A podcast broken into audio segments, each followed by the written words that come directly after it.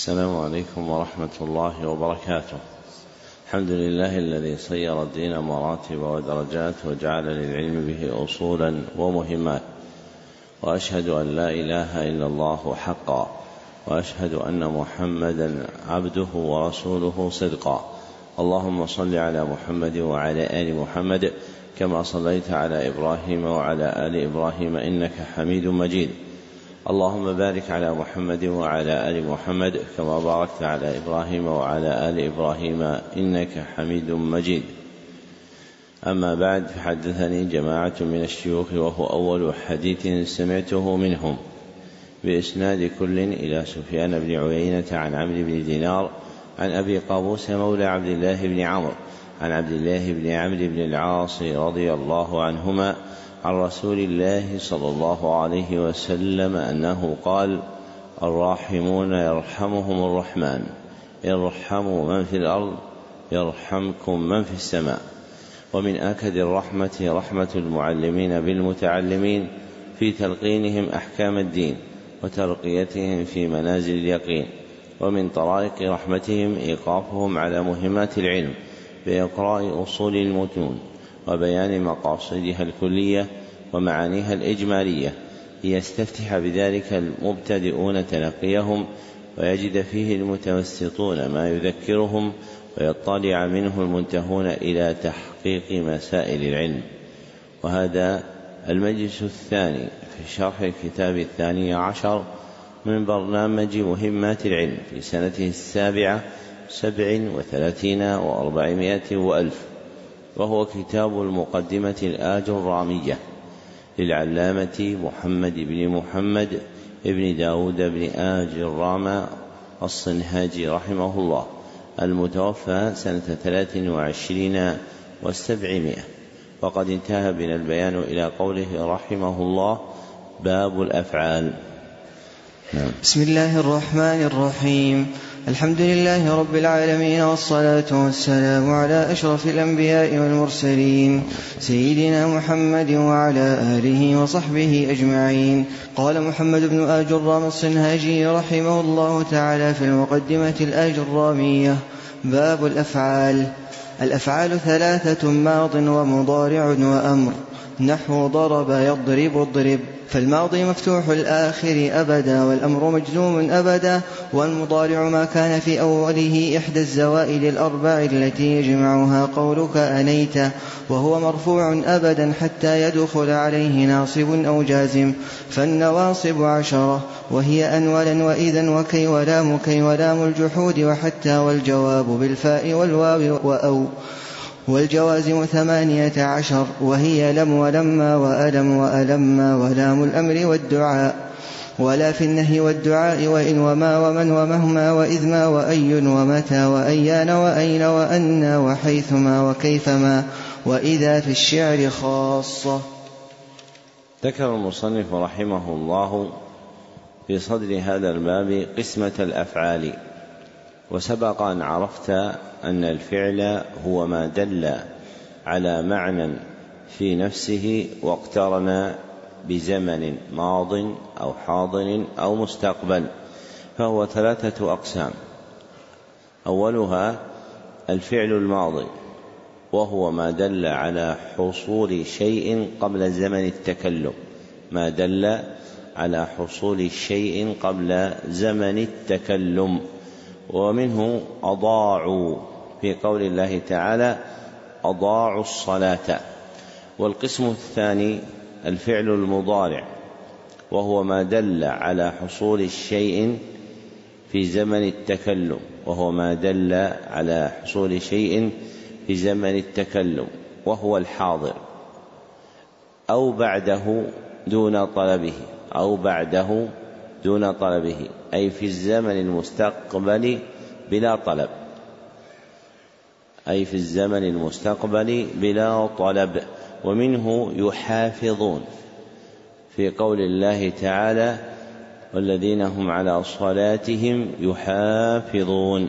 والقسم الثالث والقسم الثالث فعل الأمر وهو ما دل على حصول شيء بعد زمن التكلم ما دل على شيء بعد زمن التكلم مع طلبه مع طلبه نحو أقم في قول الله تعالى أقم الصلاة.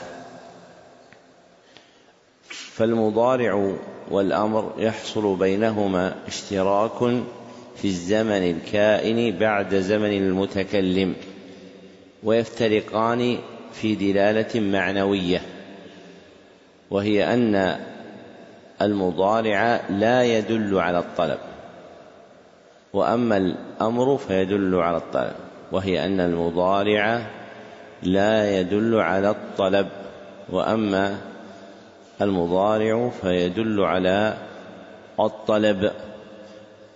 وذكر المصنف بعد أحكام الأفعال. فالماضي مفتوح الآخر أبدا. فالماضي مفتوح الآخر أبدا. أي مبني على الفتح دائما. أي مبني على الفتح دائما. إما لفظا نحو حفظ إما لفظا نحو حفظ وإما تقديرا نحو دعا. وقالوا وسمعنا فإنه يقدر على الفعل إذا كان آخره الفا أو اتصل بواو الجماعة أو ضمير الرفع المتحرك. فيقال إنه مبني ويكون البناء تقديريا. فمثلا دعا فعل ماض مبني على إيش؟ الفتح المقدر. منع من ظهوره تعذر لأن آخره ألف.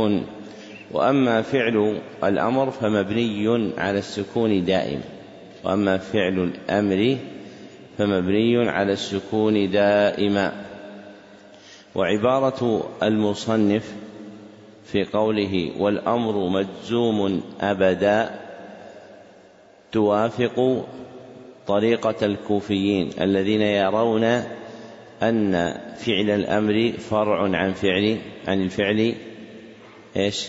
عن الفعل المضارع فيقولون الأمر مجزوم أبدا والمختار وهو مذهب البصريين أن يقال إن الأمر مبني على السكون إما لفظا نحو احفظ.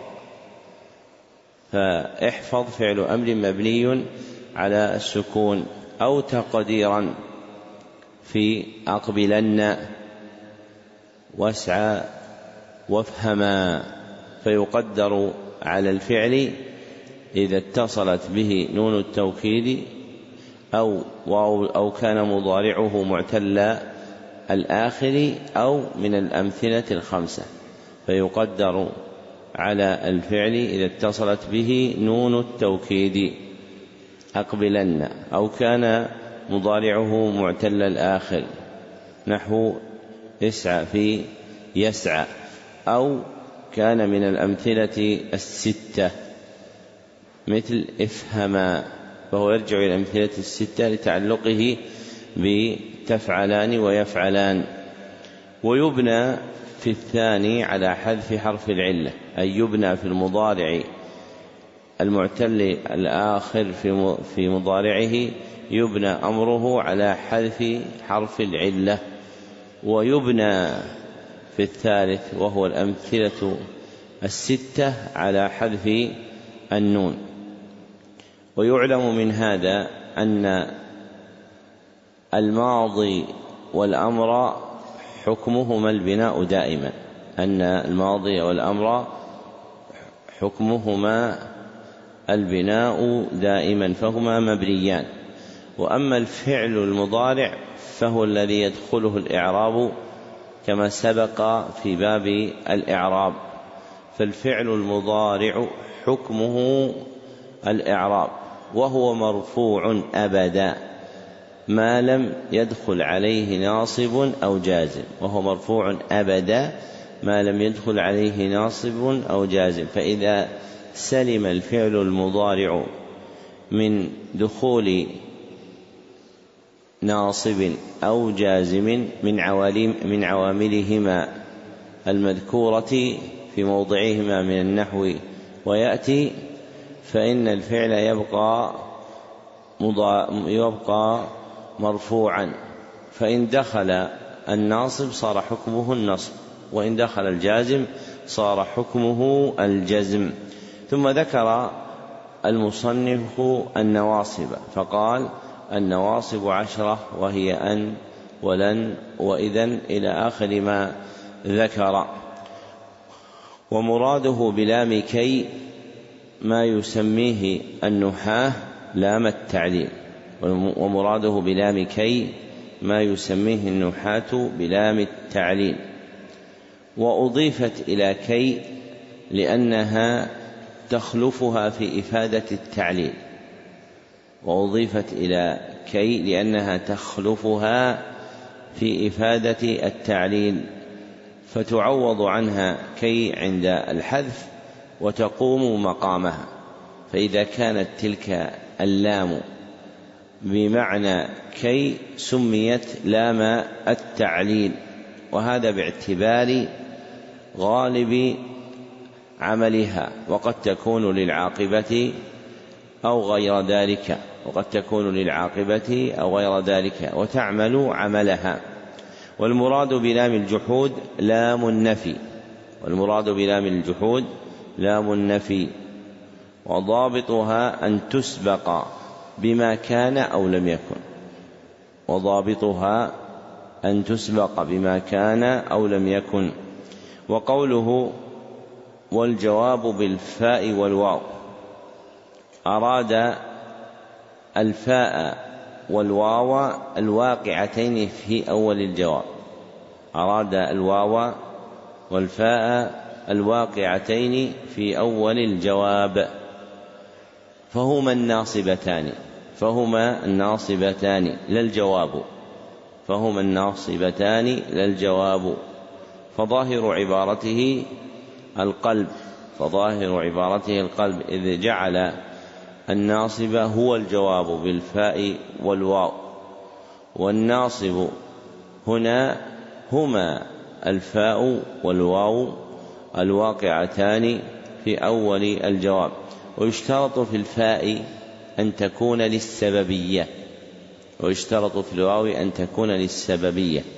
وفي الواو أن تكون للمعية. وفي الواو أن تكون للمعية. أي مفيدة معناهما. أي مفيدة معناهما. فتفيد الفاء السببية وتفيد الواو المعية. ويكون المضارع في الجواب منصوبا ويكون المضارع في الجواب منصوبا إذا جاء بعد نفي أو طلب. ويكون المضارع في الجواب منصوبا إذا جاء بعد نفي أو طلب. والطلب ثمانية أشياء. الأمر والنهي والدعاء والاستفهام والعرض والحظ والتمني والرجاء أي ما كان منها مفيدا واحدا من هذه المعاني ما كان منها ما كان منها مفيدا واحدا من هذه المعاني. ويشترط في أو الناصبة أن تكون بمعنى إلا. ويشترط في أو الناصبة أن تكون بمعنى إلا أو تكون بمعنى إلى أو تكون بمعنى إلى.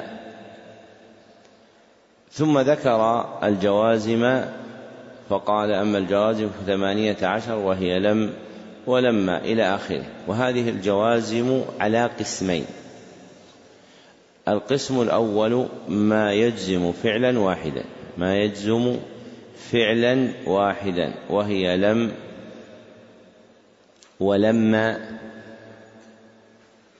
وألم وألم ولام الطلب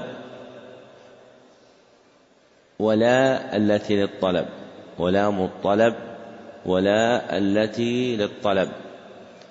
والطلب هنا يجمع الأمر والنهي والدعاء.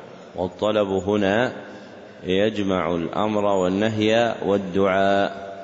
والقسم الثاني ما يجزم فعلين ما يجزم فعلين وهي بقية الجوازم وهي بقية الجوازم.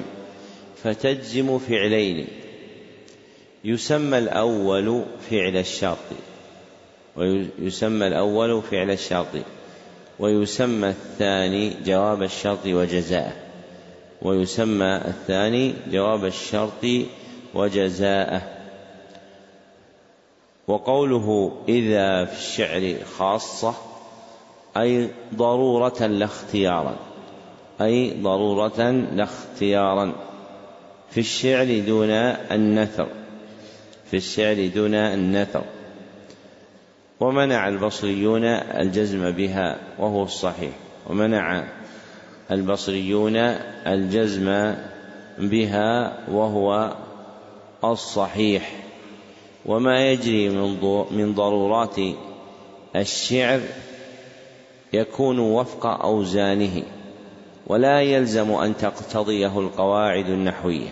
وما يجري من ضرورات الشعر يجري وفق أوزانه ولا يلزم أن تقتضيه القواعد النحوية فقد يكون مخالفا قاعدة النحو وسوغه ضرورة الشعر وسوغه ضرورة الشعر ومما ينبه إليه أن الهمزة في ألم وألم وألن هي زائدة. فأصلها لم ولم ولن وهي همزة الاستفهام. فترجع إلى أصلها فترجع إلى أصلها ولا يزاد عدها ولا يزاد عدها في النواصب والجوازم. ولا يزاد عدها في النواصب والجوازم. وفائدة معرفة النواصب والجوازم أن ورود أحدها يخرج المضارع عن أصله. أن ورود أحدها يخرج المضارع عن أصله. وهو كونه مرفوعا. فهي ناقلة عن الأصل بالنصب أو الجزم. فهي ناقلة عن الرفع إلى النصب أو الجزم فكل فعل مضارع. حكمه الرفع سوى المسبوق بناصب أو جازم. فكل فعل مضارع. حكمه الرفع سوى المسبوق بناصب أو جازم. فهو شبيه بما يسميه الأصوليون صارفا وهو الذي يصرف الأمر من الإيجاب إلى الاستحباب. أو يصرف النهي من التحريم إلى الكراهة فيكون ناقلا له عن أصله. نعم. أحسن الله إليكم. قال رحمه الله باب مرفوعات الأسماء. المرفوعات سبعة وهي الفاعل والمفعول الذي لم يسمى فاعله والمبتدأ وخبره. واسم كان وأخواتها وخبر إن وأخواتها. والتابع للمرفوع وهو أربعة أشياء النعت والعطف والتوكيد والبدل. لما كانت الأفعال أقل أحكاما قدمها المصنف ففرغ منها. ثم شرع يذكر أحكام الأسماء. وأما الحرف فكما تقدم حكمه البناء دائما. فصارت أقسام الكلمة مفروغا من أحكامها الكلية وهي أن الحرف حكمه البناء. والفعل تجري عليه أحكام قليلة هي التي تقدمت في الفصل في الباب السابق. وبقي حكم الاسم وكان حقيقا بالتقديم وكان حقيقا بالتقديم فهو أعظم أقسام الكلمة فهو أعظم أقسام الكلمة وأخر لأجل كثرة أحكامه وأخر لأجل لأجل كثرة أحكامه. ويجري على الاسم كما تقدم الرفع والنصب والخفض. فيكون في أحكامه مرفوع الاسم الاسم فيكون في أحكامه الاسم المرفوع والاسم المنصوب. والاسم المخفوض وليس فيها الاسم المجزوم لأن الجزم يختص بالأفعال. وابتدأ المصنف بمرفوعات الأسماء فعقد لها هذا الفصل فقال باب مرفوعات الأسماء. وهي سبعة كما ذكر تنقسم إلى قسمين. وهي سبعة كما ذكر تنقسم إلى قسمين. أحدهما مرفوع مستقل مرفوع مستقل وهو الفاعل والمفعول الذي لم يسمى فاعله والمبتدأ والخبر واسم كان وأخواتها واسم كان وأخواتها وخبر إن وأخواتها وخبر إن وأخواتها. والثاني مرفوع تابع مرفوع تابع. وهو النعت والتوكيد والعطف والبدل. وهو النعت والتوكيد والعطف والبدل. والفرق بينهما أن المرفوع المستقل لا يخرج عن حكم الرفع أبدا. أن المرفوع المستقل لا يخرج عن حكم الرفع أبدا. وأما المرفوع التابع فإنه يخرج عن حكم الرفع إلى النصب والخفض بحسب متبوعه. وسيأتي ذلك في باب منصوبات الأسماء ومخفوضات الأسماء. نعم. أحسن الله إليكم. قال رحمه الله باب الفاعل. الفاعل هو الاسم المرفوع المذكور قبله فعله.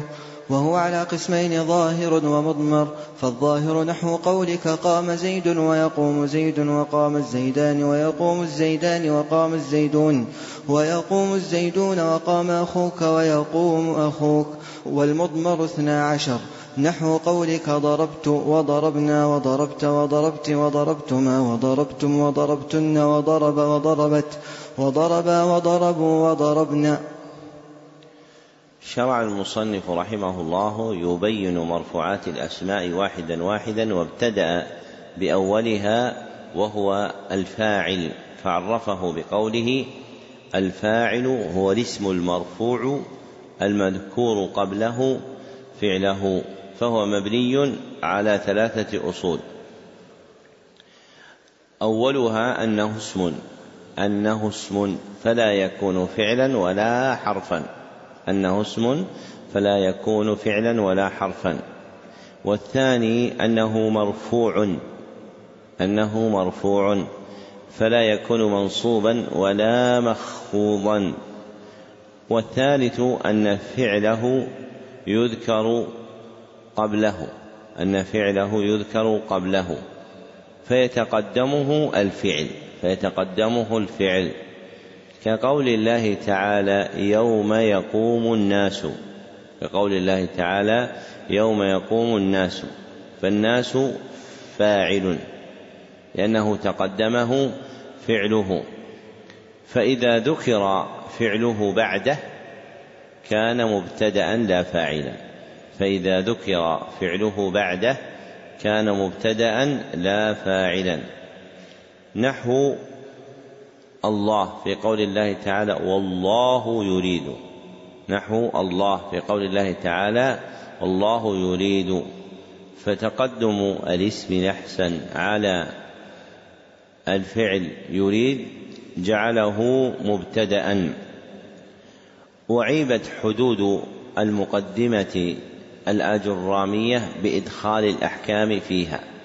في قوله الاسم المرفوع. فالمرفوع حكم والأصل في بيان حقائق الأشياء ألا تذكر معها أحكامه والأصل في حقائق الأشياء ألا تذكر معها أحكامها لأن الحكم ناشئ عن الحقيقة لأن الحكم ناشئ عن الحقيقة ومنه قولهم الحكم على الشيء فرع عن تصوره فإذا تصور الشيء بإدراك حقيقته أمكن الحكم عليه. وحينئذ فسواء السبيل ألا تبين حقيقة الشيء ممزوجة بحكمه لأن الحكم أثر ناشئ عن الحقيقة فيرفع الحكم وتبقى الحقيقة مجردة منه. وإلى هذا أشار الأخضري في في السلم المنورق إذ قال وعندهم من جملة المردود أن إيش؟ تدخل الأحكام في الحدود أن تدخل الأحكام في الحدود. وأصلحته بقولي وعندهم من جملة المردود الطول والأحكام في الحدود. وعندهم من جملة المردود الطول. أي طول الحد الطول والأحكام في الحدود. وأحسن مما ذكره المصنف أن يقال الفاعل هو الاسم الذي قام به الفعل أو وقع منه. هو الاسم الذي قام به الفعل أو وقع منه. فيكون الاسم فاعلا إذا وصف بأحد وصفين. فيكون الاسم فاعلا إذا وصف بأحد وصفين. أحدهما تعلق الفعل به تعلق الفعل به. نحو مات زيد نحو مات زيد. فالموت متعلق بزيد. والآخر وقوع الفعل منه وقوع الفعل منه أي صدوره عنه أي صدوره عنه. نحو صدق زيد. نحو صدق زيد. ثم جعل المصنف الفاعل قسمين ظاهر ومضمر. فالظاهر ما دل على مسماه ثم جعل المصنف الفاعل على قسمين ظاهر ومضمر. فالظاهر ما دل على مسماه بلا قيد. ما دل على مسماه بلا قيد فهو المبين الواضح. والمضمر لفظ يدل على متكلم لفظ يدل على متكلم. نحو أنا أو مخاطب نحو أنت أو غائب نحو هو. لفظ يدل على متكلم نحو أنا أو مخاطب نحو أنت أو غائب نحو هو. وساق المصنف أمثلة الظاهر فالفاعل فيها جميعا ظاهر وهو اسم زيد والزيدان إلى آخر ما ذكره من الأمثلة. والفعل المتقدم فيها ماض أو مضارع والفعل المتقدم في تلك الأمثلة التي ذكرها هو ماض أو مضارع لأن الأمر لا يكون فاعله إلا مضمرا.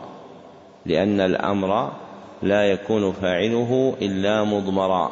ثم ذكر أن الفاعل المضمر اثنى عشر نوعا. وكلها ضمائر مبنية في محل رفع فاعل. وكلها ضمائر مبنية في محل رفع فاعل. وساق أمثلتها. وهي ضمائر تدل على المتكلم أو المخاطب وهي ضمائر تدل على المتكلم أو المخاطب. ولم يذكر أن الفاعل يجيء اسما مستترا. ولم يذكر أن الفاعل يجيء ضميرا مستترا أي خافيا لا يظهر في نطق الكلام مع وقوعه كذلك. والأولى في القسمة أن يقال إن الفاعل ينقسم على قسمين.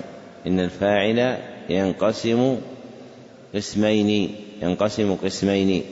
أحدهما الصريح الصريح وهو الظاهر سواء كان ضميرا أو غيره سواء كان ضميرا أو غيره. وحده ما دل على مسماه بلا قيد.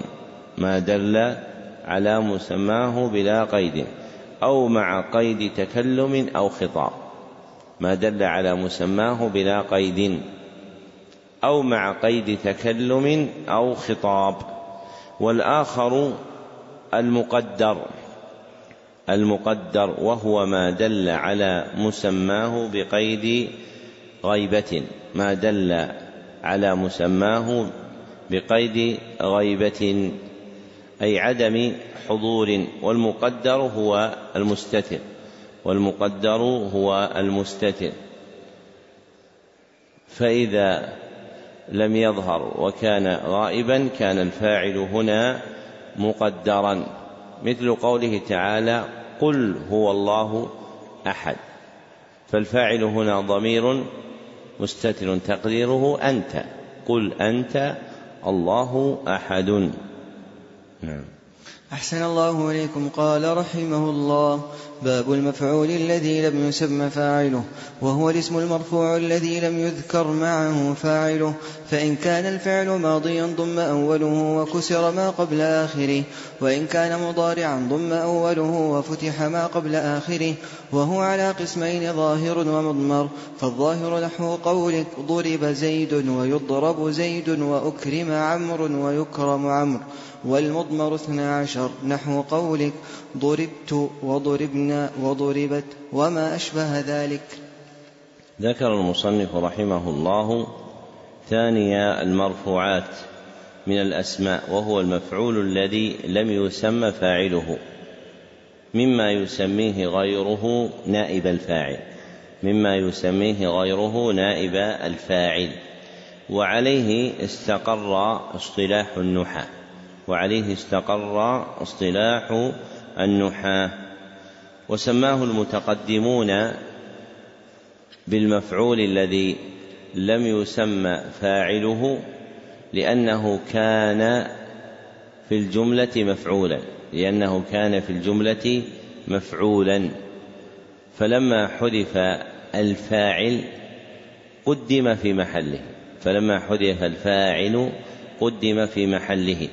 وحده بقوله الاسم المرفوع الذي لم يذكر معه فاعله. وهو مبني على ثلاثة أصول. الأول أنه اسم فليس فعلا ولا حرفا. والثاني أنه مرفوع فلا يكون منصوبا ولا مخفوضا. والثالث أن فاعله لا يذكر معه. أن فاعله لا يذكر معه. فيحذف الفاعل. فيحذف الفاعل. ومنه قوله تعالى يعرف المجرمون بسيماهم. يعرف المجرمون بسيماهم. فأصل الجملة يعرف الملائكة المجرمين بسيماهم. فأصل الجملة يعرف الملائكة المجرمين بسيماهم. فحذف الفاعل هنا وهو الملائكة ثم أقيم المفعول وهو المجرمين في مقام الفاعل فصار نائبا عنه قائما مقامه. فصارت الجملة يعرف إيش؟ المجرمون بسيماهم. فأعطي المفعول حكم الفاعل لما قام مقامه. فأعطي المفعول حكم الفاعل لما أقيم مقامه. وسبق أن الحد الذي يذكره صاحب الآجرامية عادة منتقد بإدراج الحكم. فينبغي رفع ذكر الحكم من هذا الحد. فيصير نائب الفاعل هو الاسم الذي لم يسمى فاعله. هو الاسم الذي لم يسمى فاعله. فيحدث تغيير في الجملة. فيحدث تغيير في الجملة. بحذف الفاعل وإقامة المفعول مقامه. بحذف الفاعل وإقامة المفعول مقامه. ويوجب ذلك تغيير صورة الفعل. ويوجب ذلك تغيير صورة الفعل. وهو الذي ذكره المصنف بقوله فإذا كان الفعل ماضيا ضم أوله إلى آخر ما ذكر. فالفعل الماضي إذا أريد حذف فاعله وإقامة المفعول مقام وإقامة المفعول مقامه ضم أوله وكسر ما قبل آخره. ضم أوله وكسر ما قبل آخره. فمثلا جملة أحب الطلاب النحو. أحب الطلاب النحو. فإذا أريد حذف الفاعل وهو الطلاب وإقامة المفعول مقام الفاعل صارت الجملة أحب النحو أحب النحو. فطرأ على الفعل تغيير. فيه ضم أوله وكسر ما قبل آخره. والفعل المضارع إذا أريد حذف إذا أريد حذف فاعله وإقامة المفعول مقامه لزم ضم أوله وفتح ما قبل آخره. لزم ضم أوله وفتح ما قبل آخره. فمثلا جملة يحب الطلاب النحو. إذا بنيت للمفعول الذي لم يسمى فاعله صارت الجملة يحب النحو. يحب النحو. فضم أوله وفتح ما قبل آخره. فيشترك الماضي والأمر اللذان يجعلان للمفعول المحذوف فاعله في أن أولهما يضم في أن أولهما يضم ويفترقان فيما قبل الآخر. ففي الماضي يكسر ما قبل الآخر. نحو أحب النحو. وفي المضارع يفتح ما قبل الآخر نحو يحب النحو. وفي أبنية الفعل ما يكون مبنيا على غير هذا مجعولا على غير هذا التقرير. فهذا هو الأصل الكلي له. ويوجد أشياء من فروعه غير هذا تذكر في المطولات. ثم ذكر المصنف أن نائب الفاعل الذي يسميه هو المفعول الذي لم يسمى فاعله قسمان ظاهر ومضمر وساق أمثلتهما وأن المضمر اثنا عشر نوعا وكلها ضمائر مبنية في محل رفع نائب فاعل ضمائر مبنية في محل رفع نائب فاعل. وكان الأولى في القسمة أن يجعله قسمين. وكان الأولى في القسمة أن يجعله قسمين. أحدهما الصريح وهو الظاهر. الصريح وهو الظاهر. سواء كان ضميرا أو غيره. سواء كان ضميرا أو غيره. وحده ما دل على مسماه بلا قيد. ما دل على مسماه بلا قيد. أو مع قيد تكلم أو خطاب أو مع قيد تكلم وخطاب. والثاني المقدر وهو ما دل على مسماه مع قيد غيبة. ما دل على مسماه مع قيد غيبة. والمقدر هو المستتر.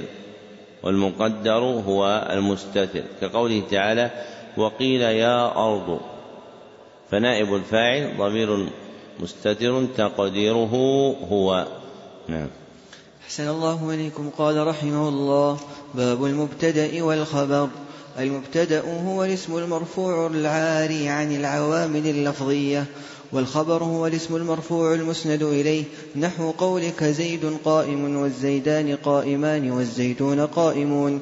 والمبتدأ قسمان ظاهر ومضمر فالظاهر ما تقدم ذكره والمضمر اثنا عشر وهي أنا ونحن وأنت وأنت وأنتما وأنتم وأنتن وهو وهي وهما وهم وهن. نحو قولك أنا قائم ونحن قائمون وما أشبه ذلك والخبر قسمان مفرد وغير مفرد فالمفرد نحو قولك زيد قائم وغير المفرد أربعة أشياء الجار والمجرور والظرف والفعل مع فاعله والمبتدأ مع خبره نحو قولك زيد في الدار وزيد عندك وزيد قائم أبوه وزيد جاريته ذاهبة. ذكر المصنف رحمه الله الثالث والرابع من مرفوعات الأسماء وهما المبتدأ والخبر وحد المبتدأ بقوله المبتدأ هو الاسم المرفوع العاري عن العوامل اللفظية وهو مبني على ثلاثة أصول الأول أنه اسم فلا يكون فعلا ولا حرفا والثاني أنه مرفوع فلا يكون منصوبا ولا مخفوضا. والثالث أنه عار عن العوامل اللفظية أي خال عما يؤثر فيه أي خال عما يؤثر فيه من العوامل التي تتقدم عليه. فالمبتدأ مرفوع بعامل معنوي هو الابتداء. فالمبتدأ مرفوع بعامل معنوي هو الابتداء ثم حد الخبر فقال الخبر هو الاسم المرفوع المسند إليه وهو مبني على ثلاثة أصول أيضا. الأول أنه اسم فلا يكون فعلا ولا حرفا وهذا باعتبار الغالب. فقد يكون جملة فعلية فقد يكون جملة فعلية كما سيأتي.